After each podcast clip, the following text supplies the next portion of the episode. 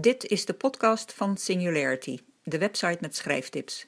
www.singularity.nl Deze podcast heeft als titel Scènes, scènes, scènes.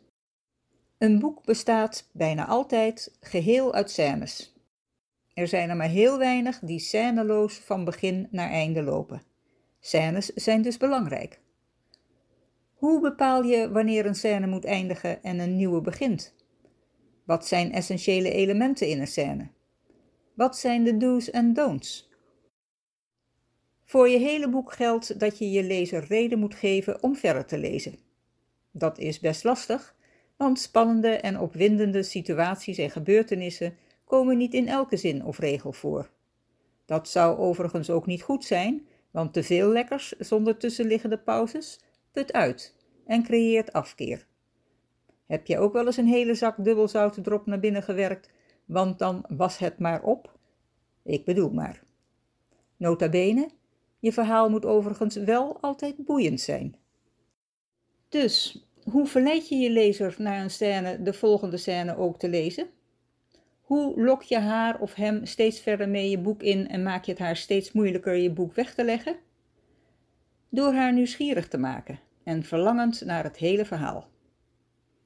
Even tussendoor, hij en hem betekenen ook zij en haar en alle andere LHBTI.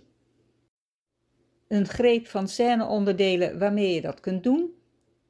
Conflict, een plotwending, een onbeantwoorde vraag, geheimen, dilemma's, ongemakkelijke keuzes, een clash tussen geliefde vrienden of familie, emotie, emotie, emotie, onverwachte en ingrijpende gebeurtenissen.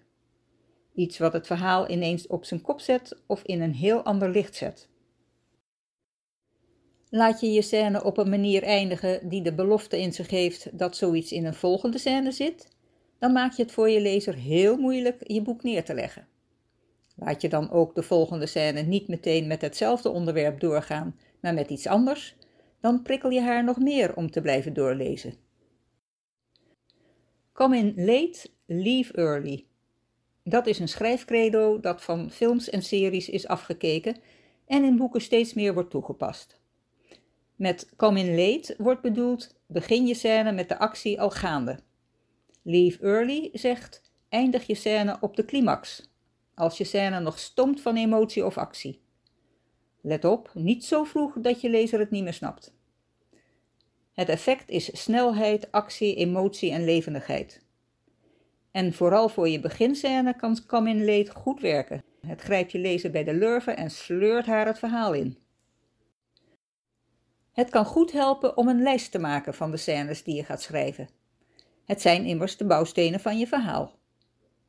Zo'n lijst geeft je houvast van wat er allemaal in je verhaal moet komen en het geeft structuur. Een scènelijst is met name handig voor het middenstuk van je boek. Dat is het deel dat vaak het lastigst te schrijven is. Dus als je al een idee hebt wat daar moet komen, heb je daar veel minder last van. Waarmee het ook kan helpen, is dat het je aan het schrijven houdt. Eén scène schrijven op een dag is overzichtelijk, ook qua tijd die ermee gemoeid is, en is goed te doen. En als je tijdens het schrijven van een scène vastloopt, kun je die even laten voor wat het is en een van de andere scènes schrijven. Later weet je dan wel weer hoe met de verlaten scènes verder te gaan. Ik ben aan het einde van deze podcast gekomen. Ik wens je veel plezier met scènes maken. Oh ja, vond je het leuk?